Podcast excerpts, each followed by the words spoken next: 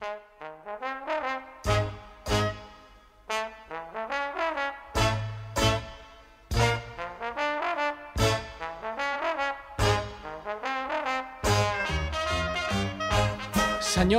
i senyors, què tal, com estan? Benvinguts, ben trobats, un dia més, a un programa més. Entre tots, ja el coneixen. Salutacions, Albert Castro. Hola, molt bon dia. Salutacions, Carme Garrido. Bon dia, què tal? Un equip de coixos per fer un programa per tothom.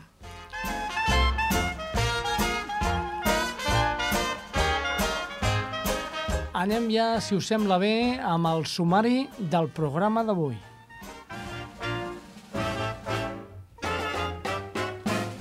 Quin és el sumari que tenim, Carme? Doncs mira, avui el tema principal eh, és la sexualitat i la discapacitat. Ah, D'acord? Parlarem amb el company eh, Antonio Centeno i debatirem una miqueta sobre aquesta, aquest tema, que sembla que si tens una discapacitat som asexuals. ah, Uh -huh. I després parlarem amb Meritxell Aymerich, sí. eh, que ens ha d'explicar diverses coses mm, que no vull avançar, Mm. però que portarà tres temes molt i molt interessants. Jo crec que és, mm, serà força interessant. Eh? I Segur. recordem que ara la Meritxell és mama de fa molt poc temps. I la pregunta és, com es fa per tenir... No, per tenir, no, per tenir una nena i cuidar-la, Uh -huh. val, quan el teu marit també és invident. És a dir, és un, és un fet eh, clar que, que la Meritxell i el seu marit tiren endavant a una nena sense necessitat de veure-la. Ens explicarà com ho fa. I tant, i més coses, a més a més. Sí, sí. Que interessant, que interessant. Molt, ja ho veuràs. Després també tenim l'altra economia, com cada programa, l'Antonio Puparelli. Avui ens parlarà eh, de les eh, acords que s'estan prenent en el Pacte Nacional pels Drets de les Persones amb Discapacitat a nivell de Catalunya. Mm.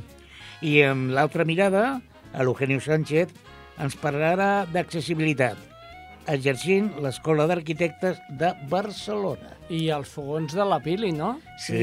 sí, sí. que avui sí. no hi és, avui no hi és. Hem de dir que Però no la, vingut. la, tindrà, la tindrem per telèfon. La tindrem, La, la, va. la, la recepta Sí, sí, la però- tindrem per telèfon. Uns bunyols, perquè estem a Carnaval, s'acosta la Setmana Santa, No fot- la Quaresma, i els bunyols de bacalà han d'estar al dia. Els de bacallà, bacallà, els de ba- bacallà.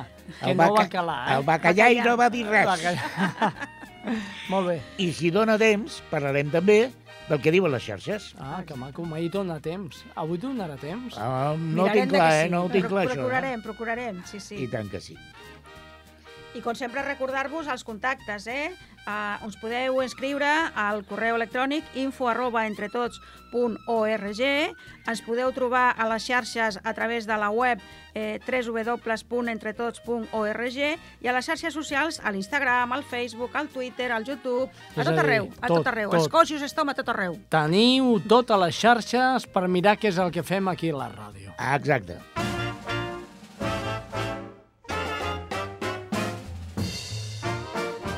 Antonio Centeno, bon dia.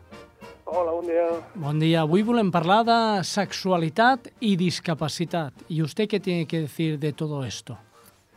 Pues que falta nos hace porque mm, al final la, la manera de abordar la sexualidad en la diversidad funcional tiene mucho que ver con esa mirada infantilizadora, paternalista que hay sobre nosotros y que eso hace que la gente piense que es natural, que las cosas son así, el que tengamos situaciones de dependencia, de depender de la familia o de estar en instituciones ingresados.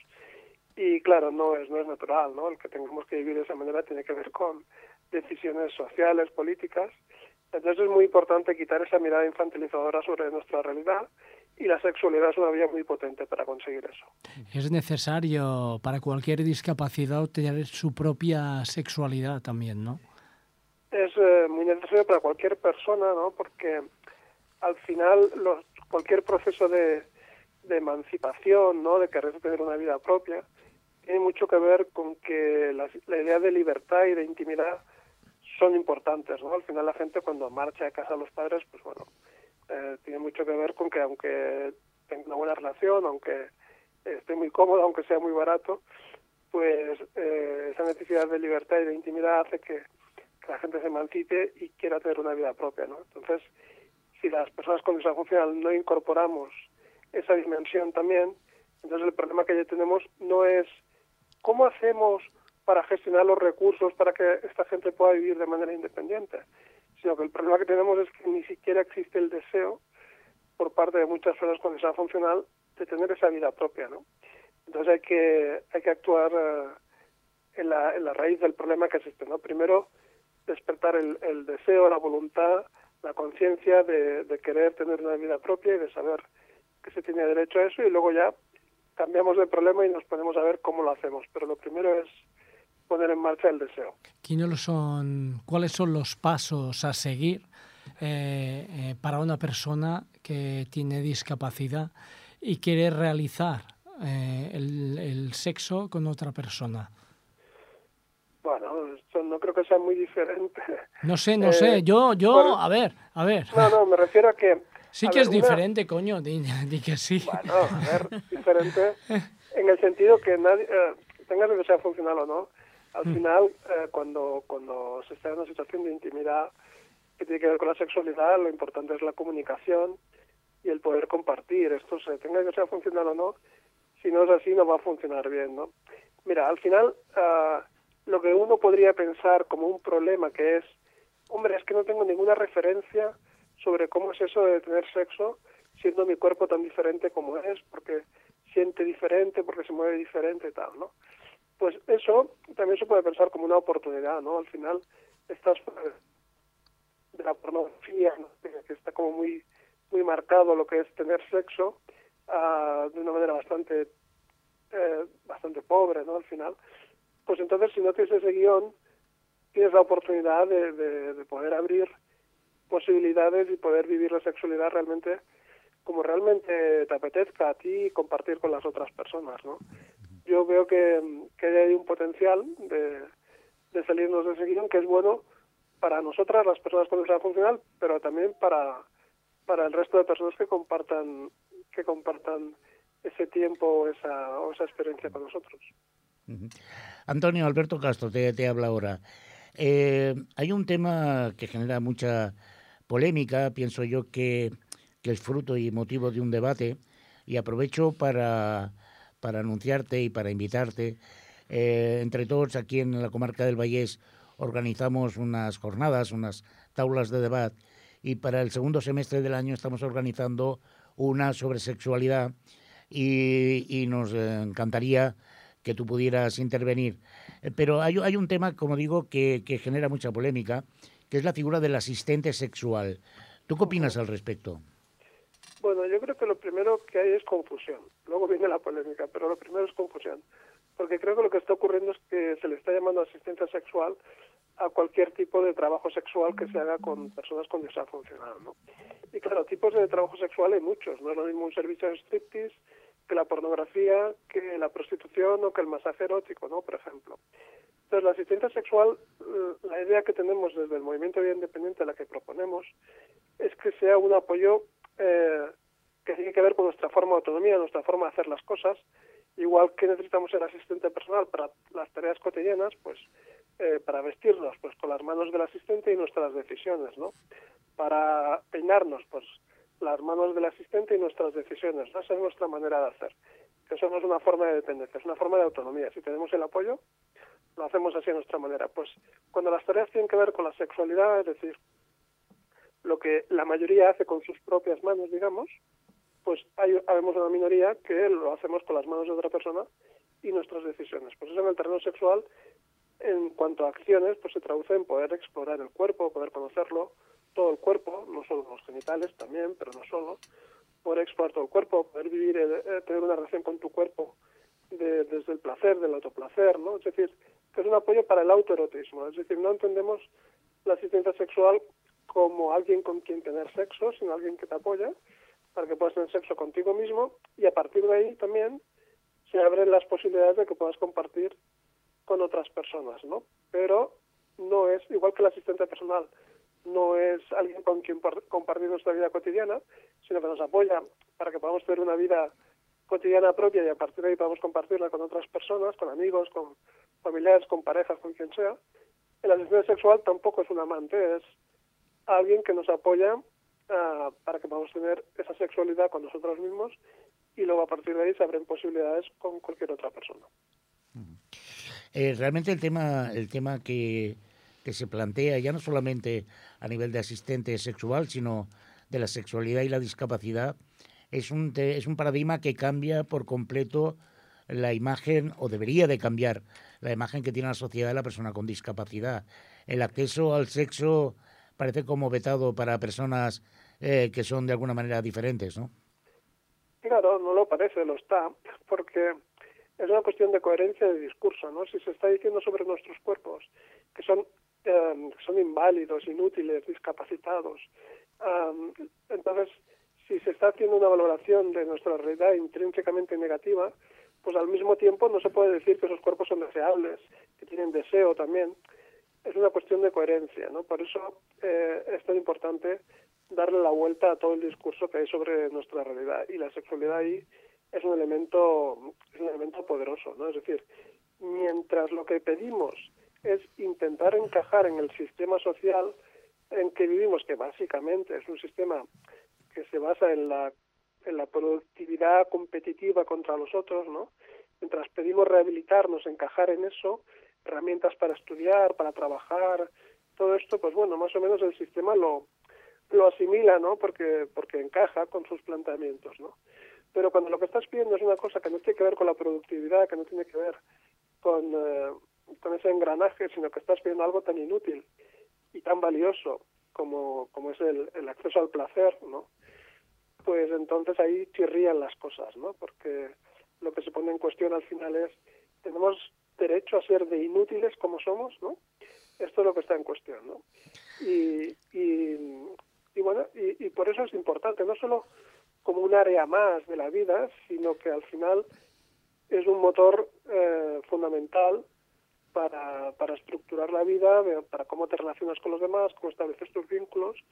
Entonces, por eso es tan importante eh, la asistencia sexual no como una manera de vivir la, sexualidad, ¿eh? la sexualidad es mucho más compleja, mucho más rica, eh, pero sí como esa herramienta para romper esa barrera de acceder al propio cuerpo, porque sin tener una relación desde el deseo, desde el placer con tu propio cuerpo, pues es imposible establecerla con, con el resto de personas. Antonio, eh, tú eres una persona muy activa dentro del mundo de la discapacidad y creo que eh, formas parte de una plataforma que me parece muy interesante, que es lo de vida independiente. ¿Nos podrías explicar un poquito en qué consiste esto? Bueno, el Foro de Vida Independiente es una comunidad virtual que se creó en 2001. Es como la expresión del movimiento de vida independiente en España. El movimiento de vida independiente es un movimiento social, político, que arrancó a finales de los 60 en la California hippie junto a otros movimientos de, liberación de pues, las personas racializadas, de las mujeres, LGBTQI, etcétera, ¿no? Y llegó aquí a España por esta vía. Ah, entonces, en 2001, pues es un espacio de reflexión y de compartir experiencia, de crear nuestra nuestro propio discurso sobre nuestra regla y también desde ahí pues hemos formado grupos locales para hacer proyectos concretos de asistencia personal que nos permitan hacer vida independiente. Aquí, por ejemplo, en Barcelona, pues eh, tenemos la oficina de vida independiente que desde 2006 tenemos un proyecto de asistencia personal que nos permite hacer vida independiente, que luego se ha convertido en un programa del, ayuntamiento. Ah, en fin, eh, hacemos cosas extrañas como documentales sobre sexualidad o como abrir un portal de asistencia sexual o escribir artículos o, en fin, nos ocupamos de cosas que tienen que ver no solo con los recursos materiales, que también, por supuesto, como mencionaba los proyectos piloto, ¿no? pero también con mucha atención a la cuestión simbólica, es decir, a la mirada a los valores que hay sobre nuestra realidad, porque al final cuando miramos las leyes que hay en España son leyes que no están mal. El problema es que no se cumplen, ¿no? que no se han cumplido nunca. Ni una sola ley sobre diversidad funcional se ha llegado a cumplir nunca en España, ni la LIME en su momento, ni la Lyon-Down, ni la ley de dependencia, ni la Convención de la ONU. Nunca se cumplen las leyes y nunca tiene consecuencias ni políticas, ni administrativas, ni mucho menos penales, ¿no? Para nadie. Entonces, eso lo que nos está diciendo es que hay otras leyes que son más poderosas que estas leyes escritas. Y esas leyes no escritas es ese sentido común, esos valores, esa mirada que hay, eh, que, se, nos, se nos mete dentro a través de la cultura, del arte, de los medios de comunicación, ¿no? Entonces hay que estar muy, muy atentos y trabajar también al mismo tiempo de lo material en esta cuestión simbólica de cómo se nos mira y cómo se nos ve, ¿no? Por eso es tan importante que medios de comunicación como el vuestro, pues, ayuden a visibilizar eh, esta realidad desde, desde un punto de vista adecuado, ¿no? Que permita transformar. Antonio, has nombrado la Convención de Naciones Unidas del 2006 y, y te he de decir que, que hay un tema eh, polémico a nivel interno, quiero decir, a nivel de colectivo, quizás no trasciende a la sociedad, que es la terminología para definir las personas que tenemos algún tipo de discapacidad. Ahora se ha puesto muy de moda un término que además tú utilizas eh, y además lo reivindicas, me consta así, que es lo de diversidad funcional. Y yo te quería preguntar tu opinión de qué, qué es lo que te parece incorrecto en el término personas con discapacidad. ¿Por qué ese término no y diversidad funcional sí? Bueno, en primer lugar, yo eh, no tengo interés en decirle a nadie cómo tiene que, que nombrarse. ¿eh? Yo lo único que pido es que a mí se me permita nombrarme como, como me parezca, ¿no? A partir de ahí que cada cual haga su reflexión y utilice lo que mejor le parece. A mí lo que me parece es que eh, cuando se habla de discapacidad estamos enfocando primero de una manera fea, ¿no? Es decir, intentar definir a alguien por lo que creemos que no puede o la falta, ¿no? Que es algo que no se hace con ningún otro grupo, ¿no? Ah, porque sí, se habla de la interacción con el medio social, pero al final el que tiene el certificado eres tú y no es el medio social, ¿no? Entonces, primero me parece un, mal enfoque, ¿no? Segundo, además, es un enfoque que además de feo no funciona bien, porque primero porque cuando tú pasas un baremo, un test para decidir si tienes discapacidad o no, eh, lo que se mira son unas capacidades muy determinadas que tienen que ver con esa idea de productividad, de que llegues a ser productivo, ¿no? Otras cosas que son no sé si las más importantes, pero en cualquier caso muy importantes, no se miran, ¿no? A nadie le importa si amas, si no amas, si eres gracioso, si no. se miran cosas muy concretas que tienen que ver con unas capacidades muy concretas. Y además, cuando se intenta medir esas capacidades, se hace de una manera que no es realista, que es intentar aislarte de la comunidad. ¿Qué cosas puedes hacer por ti mismo? Cuando uno no vive por sí mismo, uno siempre vive en una comunidad, pero claro, para el sistema es importante que la culpa sea tuya y no de la comunidad. ¿no? Entonces, ese sistema que produce, por ejemplo, hace un mal análisis de la realidad. ¿no?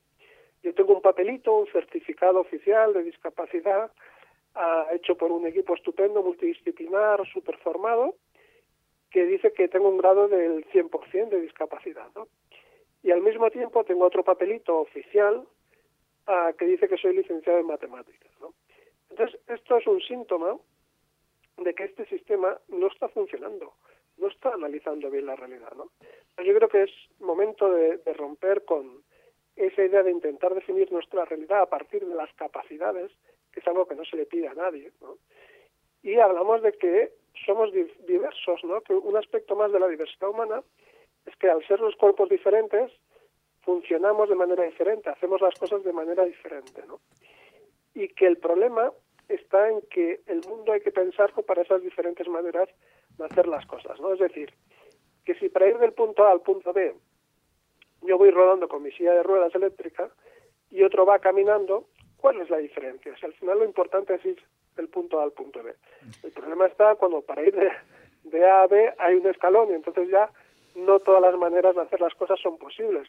O cuando no está esa silla de ruedas eléctricas, entonces eh, esto es lo que hay que trabajar, eh, eh, pensar el mundo de manera que todas las maneras de hacer, con los productos y servicios que son necesarios para todas esas maneras de hacer, pues estén sobre la mesa. ¿no? Por eso nos gusta hablar de diversidad funcional, no por un tema de corrección política, sino por un tema justamente de ser políticos, es decir, decir, esto no es un tema de las capacidades del individuo, sino es un tema de diversidad, de gestión de la diversidad humana, por lo tanto es un tema comunitario, es un tema político, ¿no?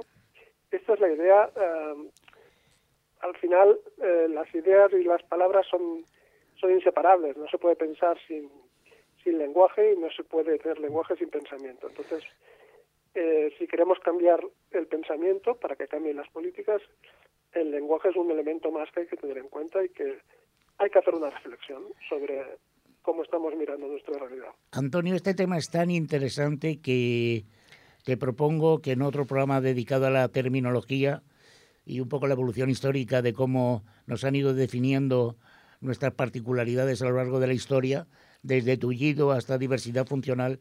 Sería un programa muy interesante y pienso Claro. yo que fruto de un debate eh, in- interesantísimo. Eh, estaría, o sea, algún día te emplazaremos. Además, sería maravilloso que pudieras venir a, a nuestra emisora, a Ripollet Radio, que es donde grabamos este programa, emisora accesible, y por lo tanto sería fabuloso poder tener un debate eh, ilustrador de este tipo de, de temas. O sea Claro. que te anotamos en la agenda de colaboradores habituales, si no te importa. Con mucho gusto, cuando queráis. Pues nada, Antonio, por nuestra parte, agradecerte eh, la intervención en el programa de hoy y, y bueno, y, y acompañado, acompañándote eh, todos juntos en una lucha que, que continúa y que cada día es más necesaria para transformar la sociedad en la que vivimos. Antonio, Pues muchas gracias a vosotros y Mm. eso, ahí seguimos. muchas gracias. Hasta luego. Adiós. Adiós. Hasta luego. Sí, senyors, una, un bon debat que hem tingut a micro tancat que algun dia us ho explicarem. Sí, sí. Però I algun és- dia ho farem a micro obert, i eh? que és Sí, sí. interessantíssim. A cara descoberta, sí, Sí, sí. senyor. Sí, Com. Posarem- interessant és el... Exposarem les nostres posicions i criteris. Sí, no? I tant, i tant. Escolta, el programa el fem nosaltres i diem el que I vulguem. punto. Només faltaria I, això. I No, ja està. aviam, i en, el, en, el, en la diversitat està la relació Sí, i, senyor, està la, sí, senyor. i està el tema, no? Ai, Déu Però hi ha conceptes, bueno, que tenim diferents criteris. Sí, senyor. Toni, com estàs? Hola, bon dia. Bon, bon dia, Toni! Tu estàs Bon d'acord amb tot, amb el que diem o no? Sí, i tant, Sí? i tant, i tant. Encara que tinc, els dos punts de vista, també. Sí? Per descomptat, per Bueno, descomptat. però això, això ja ho farem amb una taula rodona Sí. que hem parlat amb el Centeno, farem una taula rodona i xerrarem sobre discapacitat i sexualitat Ah, això. Exacte. I diversitat. i diversitat. Anda, que diversitat. Bueno, Sí, tenim diversitat sexual. sí. I d'opinió, i d'opinió. tots, eh? I tant, clar que sí. Clar Tinguem que sí. Que parla no, la diversitat hi és. Senyor Antonio, què ens portes avui, va? A veure, jo normalment parlo d'economia o alguna que tingui a veure amb l'altra economia en el món de la discapacitat, però avui em salto això i parlo d'un tema en el que estic involucrat personalment i per tant puc, i participo activament i per tant puc aportar alguna coseta que, que, que crec que és interessant. No?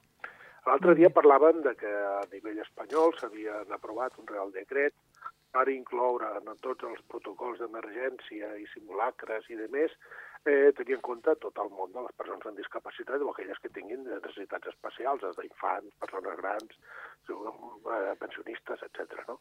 que tinguin, siguin vulnerables des d'un punt de vista mitjà. No? Eh, aleshores, jo formo part, representant un partit polític, un grup eh, parlamentari al Parlament de Catalunya, en el, la taula del Pacte Nacional pels Drets de les Persones amb Discapacitat, que ja vaig comentar que li, el seu interès és portar la, la, la legislació catalana i que s'implementi i s'actuï i es tingui en compte totes les recomanacions de la Declaració Universal dels Drets de les Persones amb Discapacitat de les Nacions Unides del 2006. Ja estem parlant 14 anys després, però que mica en mica es van implementant, com ha estat això que ha fet el govern espanyol amb aquest Reial Decret. No? Eh, jo el que puc informar, que aquests dies estem treballant, estic en una taula, un grup de treball que se n'ocupa específicament de, dels, de les drets de llibertat individual, la seguretat i la protecció, i dintre del món de la seguretat i la protecció, aquí estem parlant d'emergències, situació d'emergències, doncs, dintre d'això, d'aquesta seguretat s'ha contemplat, jo he aportat com a iniciativa de dir, crec que hem de recollir dintre d'aquesta aquest, taula de les mesures per, per eh, eh, la, igualar i incloure, fer inclusiu absolutament tot el món de la discapacitat en, el, en els plans d'emergència s'hauria de recollir en aquest document, en aquest resultat de la taula que estic treballant, s'hauria de recollir aquest, aquests extrems. No? Eh, parlo de les mesures que hem, que hem tractat i que hem definit una mica, parlem de mesures dintre dels reptes que tenim, doncs incloure tot el tema de... Doncs aquí parlem, doncs, per exemple, de garantir que les persones amb discapacitat i els seus col·lectius siguin presos en consideració a l'hora de determinar els plans d'emergència. I això s'ha fet així, amb a l'hora d'elaborar aquest Reial Decret, han participat diversos col·lectius de, del món de la discapacitat per determinar tot el que, com haurien de ser aquests plans.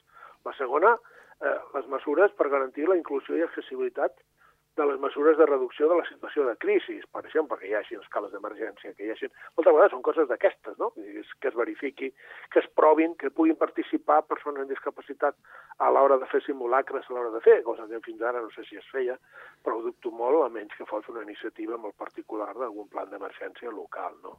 Lògicament, encara que és Toni, una mesura... Toni, sí. això, és, això és molt important, eh? Perquè Clar, clar. ahir mateix nosaltres, eh, fent una activitat en un centre educatiu, eh, va haver-hi una averia a l'ascensor i ens van quedar tres persones en cadira en un segon pis. N'hi havia sí, una en sortida aquest- d'emergències, però té escales. I, Ah, segons ens expliquen des de la direcció del centre, no, no, se, no se li dona eh, solvència econòmica perquè aquesta sortida sigui accessible perquè ja tenen un ascensor. Però, clar, quan falla aquesta primera opció, que és l'ascensor, la, les víctimes mm, era una averia, però si arriba sí. a ser un foc o una altra emergència, allà ens quedem. Ah, ja, això mateix. eh, això per això és molt important que a l'hora de definir els plans d'emergència, a tots els nivells, perquè també pot ser això d'una escola o d'una empresa privada, el que sigui, però al final Sí, sí, on van persones, on viuen persones, Correcte. ha d'estar, com a mínim, protocolaritzat què fer davant d'una emergència. Mhm. I haver sigut entrenat. Per exemple, en aquesta escola no estaria de més que quan tornin a fer un simulacre d'emergència, imagini que hi ha una persona amb discapacitat, o que realment vagi una persona amb discapacitat, i situï i donin una solució raonable al problema, fins que no hi hagi això, accessibilitat i de més. Per tant, i que hi hagi una persona anomenada, de si hi ha una persona amb discapacitat, ha d'haver una persona anomenada. Moltes vegades hi ha solucions que són de protocol.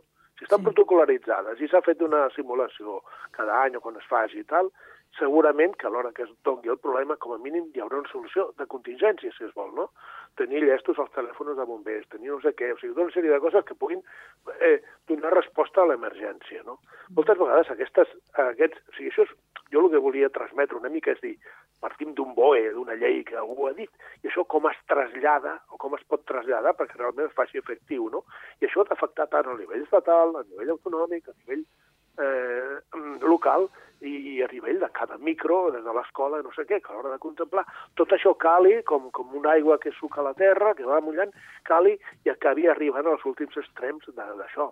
Serveix tant inclús, per, per exemple, per una escola, per de, demanar pressupostos i inversions per poder fer més accessible, o a vegades petita cosa de poder donar emergència, des d'un botó, des de pintar el terra, per exemple, ahir vaig veure en un edifici, a pintar amb un terra una sortida que hi ha de, de, a l'escala, en el qual hi ha un punt que se'n diu punt verd per a les persones amb discapacitat, un punt d'emergència, en el qual refugiar-se. Per exemple, a vegades són coses d'aquestes, que segurament hi haurà consultors, hi haurà empreses i experts que podran eh, analitzar aquests, aquests extrems eh, davant d'una contingència, davant d'una emergència. Per això és important que hi hagi hagut aquest protocol, o sigui, s'ha definit la llei aquesta mm. i també l'impuls que podem fer des del Pacte Nacional, del taula aquesta, del Pacte Nacional de les persones amb discapacitat, perquè s'actuïn en totes aquestes coses. A vegades una mica de ment oberta, també a nivell local, a nivell del simple institut, del simple poden poden fer. Aquesta experiència que vau tenir vosaltres ahir, mira, aprofitem que faria una activitat de, de sensibilització en, en el món de la discapacitat i vers la inclusió, doncs, Sí, a, sí. a l'escola Òbviament van aprendre segur- més tot l'alumnat i la direcció del centre en aquella tres quarts d'hora que vam estar sense poder sortir que, que tota l'activitat que, que varen fer, perquè vam viure en primera persona el que és realment quedar-te eh, incomunicat i no poder sortir. I no poder sortir, realment, una situació d'emergència que es podia haver allargat, prolongat diverses hores perquè no arriba el tècnic, no, no hi ha un contacte, no hi ha un telèfon d'emergència, no hi ha, no, moltes vegades és això, no? D'un lloc que hi ha un únic ascensor, per exemple, i inclús que hi hagi més, un telèfon d'emergència per demanar assistència en cas d'això ha de ser sempre un número de telèfon, a part del botó que truqui, no sé què, però també un número el qual, eh, ojo, que aquí dintre una persona amb discapacitat o una persona que ha pres mal i que, que, que s'ha d'entendre, coses d'aquestes, no? I per això és important la- l'experiència que heu tingut, la malaurada, però bueno, tampoc ha sigut res Sí, sí, greu, però vam passar una mala però- estona, però ens quedem amb la, lo positiu que, que, que es pot aportar i l'aprenentatge per part del centre i la força que ara tindran pues, per justificar aquesta despesa i que hi hagi una sortida i d'emergències. que davant i que, i que s'ha produït un cas. Encara que moltes vegades dius, Mhm. és que no tindria que haver-se produït, això Correcte. és l'ideal. Però també sempre dic, quan passa alguna cosa, l'anàlisi d'allò que ha passat i per què ha passat i per què Mm. porta a ajudar a tenir una solució i una resposta per la propera vegada. Això és una anàlisi sempre de, davant d'un fet que s'aparta de lo normal, com podem fer. Però això és un fet normal de la vida, no? Pues lo mateix demanem al món de la discapacitat, no demanem una cosa més diferent. Doncs... eh, Nosaltres, a nivell... Sí, digues. No, no, no. Digues, acaba, acaba.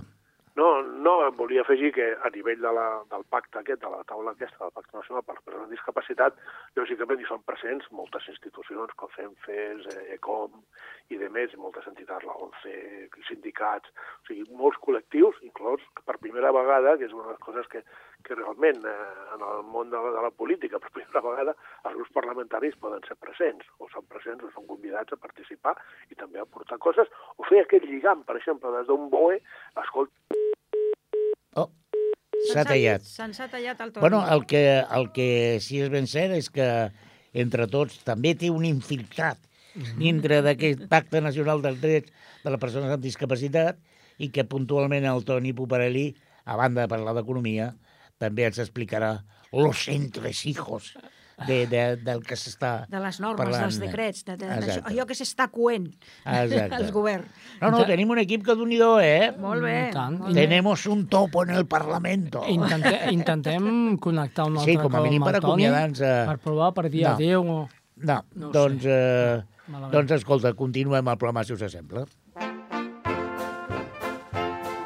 Escolteu-me, avui tinc un dia raro, raro, raro. Serà la primavera que s'apropa o què? Deu ser, de que La està... drogaïna, de la que drogaïna. Està, de que està enamorat un altre cop. Oh, de la- tonto, Oi, oi, oi, tonto. Ah, vale, A les dones vale. us passa molt, això, eh? Per cert, Els aprofito per... homes no us enamoreu mai? Sí, pero no Ah, tan, no tan. ah, Os ah. suben los, ¿cómo se llama? Los estrógenos, los Les Estrógenos no, endorfines, les pero- endorfines, eh? Estrógenos. Estrógenos, mare de Déu, senyor. Papallones a la panxa. Fiquem seny, Per fiquem cert, seny. algun dia hauríem de parlar amb la teva dona i que ens expliqués per què es va enamorar d'un tio com tu, la veritat. No, és un misteri No ho sé, no ho sé. increïble. Ha de, tenir, ha de tenir una qüestió secreta, Alberto. No, però Ah. la meva dona al Sí, final clar, nosaltres diria... això, aquí no arribem, però la seva dona sí. Clar, Ah, clar, clar. jo aquí són secrets, són Clar, secrets. Clar, és que avui de estem parlant de sexualitat. Ah, amigo. no, no, per, per això em trobo malament, veus? Eh, Te clar, trobes clar. malament? Clar, Te fa mal al cap? Perquè no funciona, hija. Té el síndrome d'abstinència. Bueno, fiquem-hi seny Vinga, va. al programa i Posem-nos anem amb el Geni Sánchez, que ens explica mm, com estan les coses. Es parlarà de l'Escola d'Arquitectes de Barcelona, que estan fent un projecte molt interessant eh, relacionat amb l'accessibilitat. Vamos, el que Doncs jo deia. Vinga, com això. estan les coses. Què tal, com esteu? Sí, doncs avui us porto un tema interessant, crec, i és un projecte que es diu CASBA i que en les seves inicials vol dir comerç accessible i sense barreres que es fa mm, des del 2013 a Barcelona. Cada any es fa en un, en un barri, amb aquest any ha tocat a l'Eixample i més concretament a l'Avinguda Gaudí. En què consisteix aquest mètode, aquest projecte, perdó?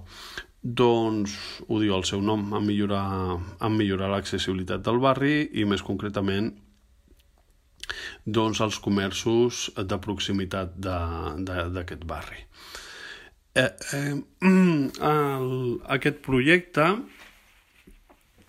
compta amb la participació de diferents actors, amb aquest, en aquest cas col·laboren les entitats o associacions de persones amb discapacitat del barri on es faci, òbviament també les associacions de, de, de comerços i l'Escola d'Arquitectura de la Universitat Internacional de, de Catalunya, mm, en la seva, amb la seva àrea d'accessibilitat. Eh, I quina metodologia utilitzen? Utilitzen una metodologia que es diu aprenentatge amb serveis i que consisteix en una cosa molt senzilla, si voleu, però que té tot el, sentit, eh, tot el seu sentit comú, vaja. I és que els alumnes d'aquesta escola d'arquitectura van acompanyats, sí, de les persones amb discapacitat, però el més important és que van asseguts amb cadira de rodes, tots ells.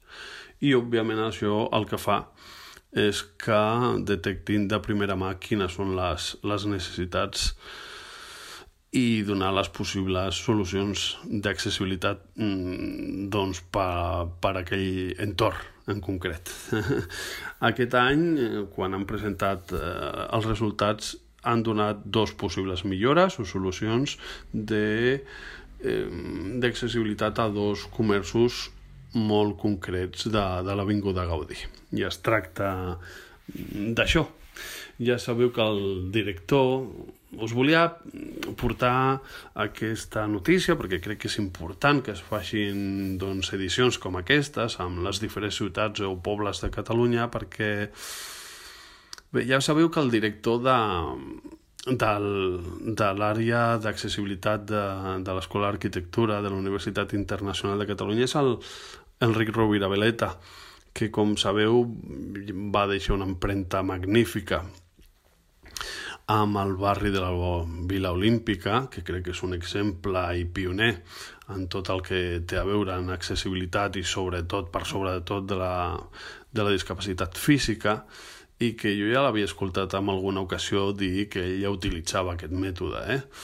que quan estaven, que quan estaven construint el barri el, els seus mestres d'obra els hi deia, escolteu, durant un dia teniu que estar asseguts en una cadira de rodes. I així us donareu compte de quines són les nostres necessitats, perquè, com sabeu, el professor i arquitecte Rovira Veleta és, té una discapacitat, eh, té una discapacitat física. I mm, és el que diem sempre, en definitiva, no? Que quan es fan espais accessibles, doncs es fan espais que faciliten la vida a tothom, no només a les persones amb discapacitat, sinó a tothom. No? I com diu el professor Rovira Veleta, quan les ciutats, amb els seus plans urbanístics i els arquitectes amb els seus edificis, tenen en compte aquest marcador, que és el de l'accessibilitat, primer fan urbanitat eh, i edificis amb més qualitat i segon, diu ell, fan urbanitat i, arquitecta, i arquitectura perdó, de futur. Doncs fins aquí la notícia d'avui. I fins la propera, amics.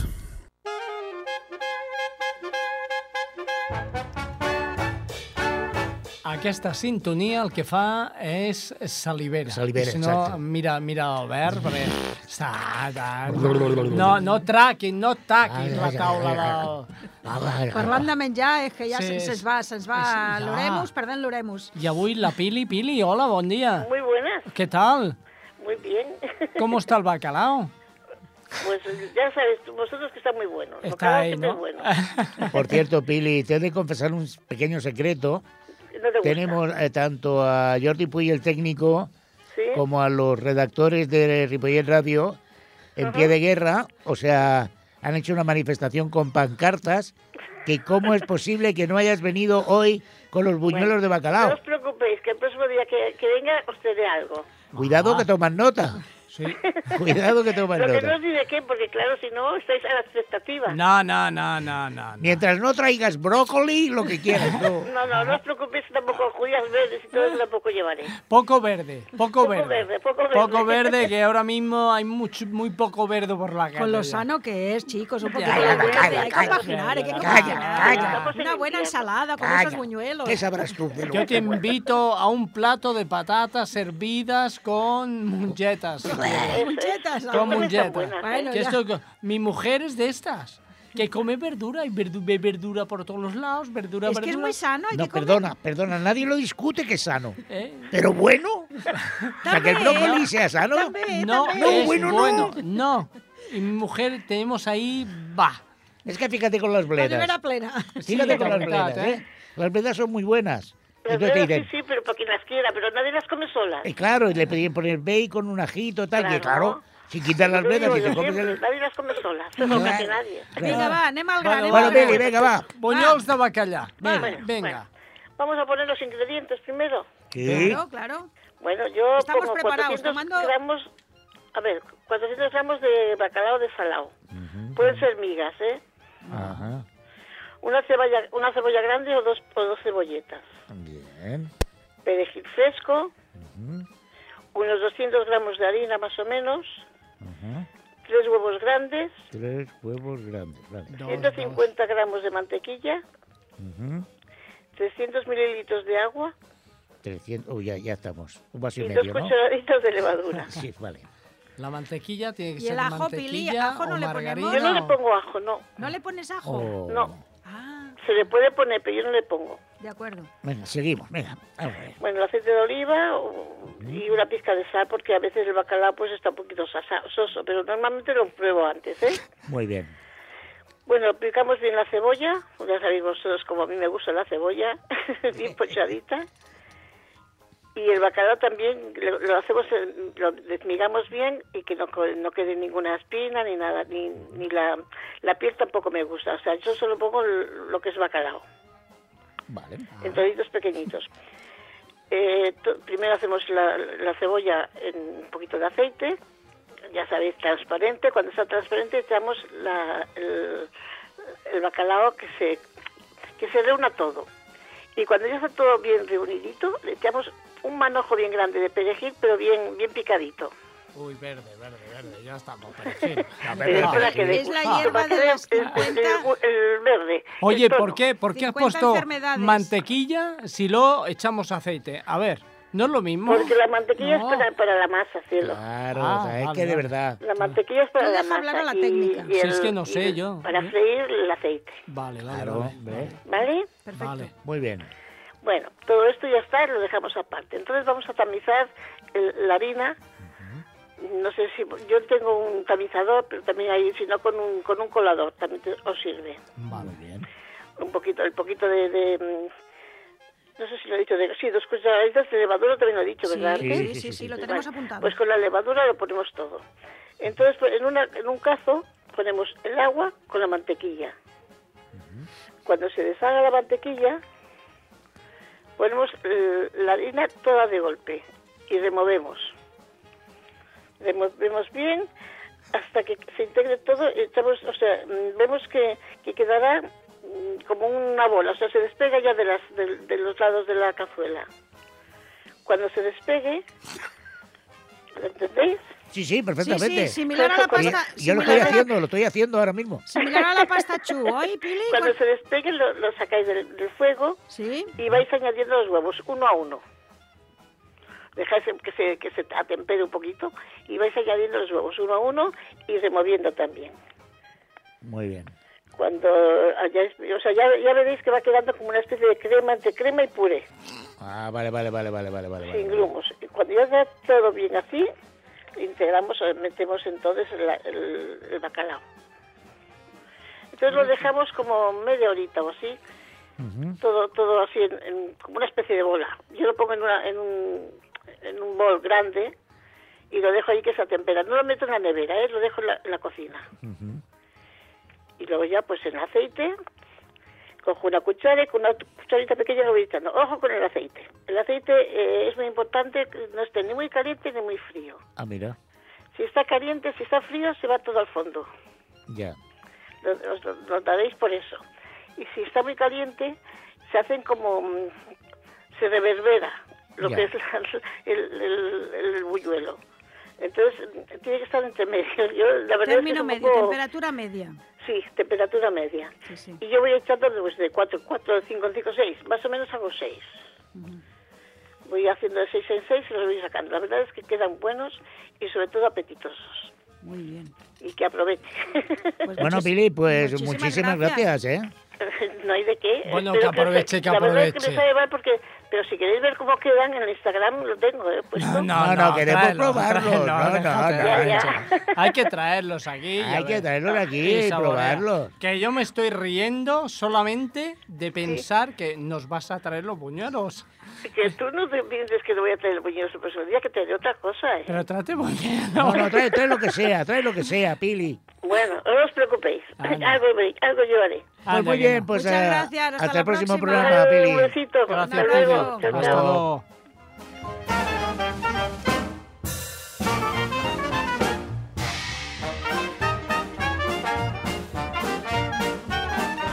Pues sí, pues tenim temps de fer la, el que diuen les xarxes. Els buñuelos. No, no, deixa les buñuelos. xarxes. Oh, Vale, els bunyolos ja Aquest està. tema ja està els fet. bunyolos a les xarxes o no? No. No. També pots trobar bunyols a les xarxes. Home, Hi clar. ha diferents maneres de, de fer-los. De eh? fer-los, La no? Pili ens ha dit la seva manera de fer els bunyols.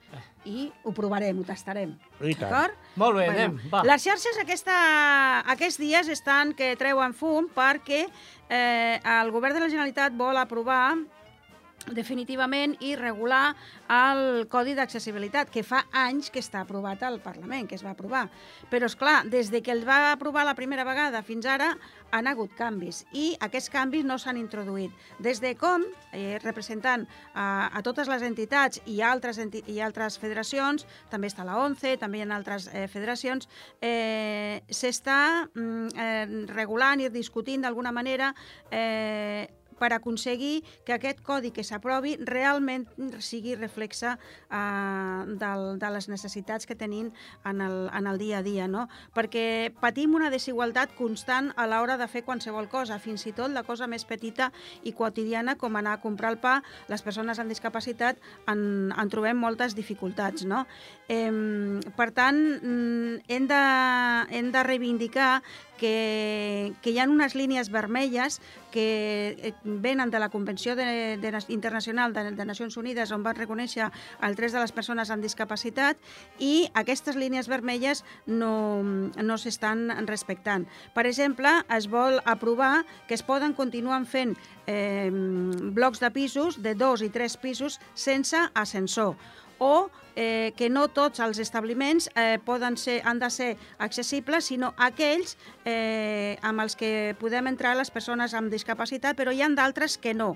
Clar, aquest criteri és massa, massa obert perquè ningú ha de decidir en quin, a quin establiment podem entrar i en quin no. Si estem parlant d'igualtat d'oportunitats i no discriminació, el codi ha de reflectir aquesta, aquesta realitat. I a mi Des això que me'n recorda l'època del secesionisme de los negros en, en Ah, que Estados sí? Unidos. Eh que lo sí? pues nosaltres lluitem a través de Com i d'altres entitats eh, del, eh, per aconseguir el capaciti, capi, capacitisme, és a dir, que som capaços, No tenim capacitats eh, mm, per aconseguir, per fer tot allò que, que vulguem fer. Des de la Generalitat, la resposta que de moment, de moment, eh, ens donen és que eh, aquestes discrepàncies respecte al codi és perquè fem una mala interpretació del text, la qual Ah, cosa, ja, ja, doncs, ja home, estem. home, doncs la veritat, coixos sí, tontos no. La, perdoneu la frase, eh? Però, però, el, però és que... tontos parles del govern de la Generalitat o de... Bueno, Ah, vale, vale, bueno, no, no. Ja hi som, ja hi no sé, No, no, però perdó, que, no, perdó, eh, no. que tenim una discapacitat, però que som molt conscients i, i posem les, les capacitats i ens adonem del que podem fer i el que no, que no ens enredin, que no ens enredin. Que Aquest programa és apolític, senyors. Sí, som, és, Apolític. però Apolític. Mentre no hacemos un programa compleixin- vegano, cap problema. Però reivindiquem que compleixin la norma I i, que no Sí. ens posin més barreres de les que en tenim. I una altra cosa i respecte, perquè això ho van comentar al programa anterior, recordeu que vam parlar dels espais de jocs infantils, doncs eh, no sé si va ser arrel d'això, suposo que no, que tots hem fet soroll, l'Ajuntament de Barcelona ha tret una llista de, de parcs infantils que ja estan adaptats. Perdoneu, hòstia, que Sí. fort, eh? Sí, Que Que sí, amb fort, que jo vaig comentar Sí, així pues- per sobre, dir sí. que estaria bé un llistat de pues tots mira, els que estan Xavi, adaptats. hi ha més de gairebé eh, 670 eh, parcs a la- l'àrea metropolitana. Només 180 són una mica accessibles, tampoc del tot. Només un 1% de la, dels nens i nenes amb discapacitat poden gaudir d'aquests parcs a prop de casa. Crec que és Ah. una lluita i crec que aquest codi d'accessibilitat eh, ha de tenir i ha de eh, recollir totes les necessitats Però, de, Carme, tota, de tota la població. Ho has interpretat bé o el text no ho has entès? Bueno, jo crec que ho tinc bastant clar, eh? La meva discapacitat a nivell cognitiu no m'afecta, encara. Ai, Déu meu senyor. Doncs, oi, quina pena, tu, i arribem ja a la final? Ja quasi acabem. No, no, sí, ja quasi hem no. d'acabar, és ja que... està, ja no Sí. Home, el Jordi temps. Puyes està a punt de... Home, jo ja tenia més està tot coses... vermell. Està, jo tenia més coses al guió, eh? Ja, no doncs, per la més. setmana que ve, Carme. Ai, Per al proper programa. a- aprofitant que és el final del programa i no hem dit res, al sumari hem parlat de la Meritxell Aymeric. Sí. Val? Doncs penseu que la setmana vinent el proper programa. Si no m'agafa el telèfon, la mato. No, no, Sents, anem a casa Però seva. que, que consti que també han hagut problemes tècnics amb... Sí, avui ha estat un programa mogudet. Amb els el operadors. problema- El problema Els operadors. es de Movistar, siempre. es Movistar el que la lía. Ah. Sí, sí, sí. Bueno, senyors, que marxem. Eh, Albert Castro, Carme Garrido, Jordi Puy, mm, tocant botons i botonets. I marxem amb aquesta cançó, que és molt maca, és de La vida és vella, en català. Oh, que bonic. Fins la setmana vinent. Vagi molt bé. Soc nen que ahir vaig ser. Sí, jo vetllo pels teus somnis. La por no vindrà mai, així sabràs que viure és molt bonic. Cauen mil llàgrimes al mar. Tu mai no em veuràs plorar.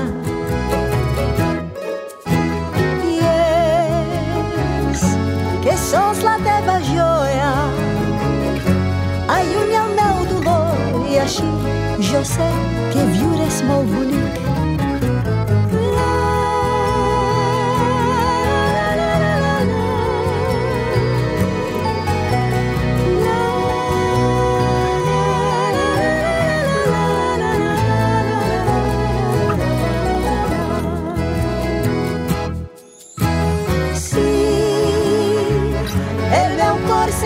estará. Honestigia teu cor se tu não deixas daí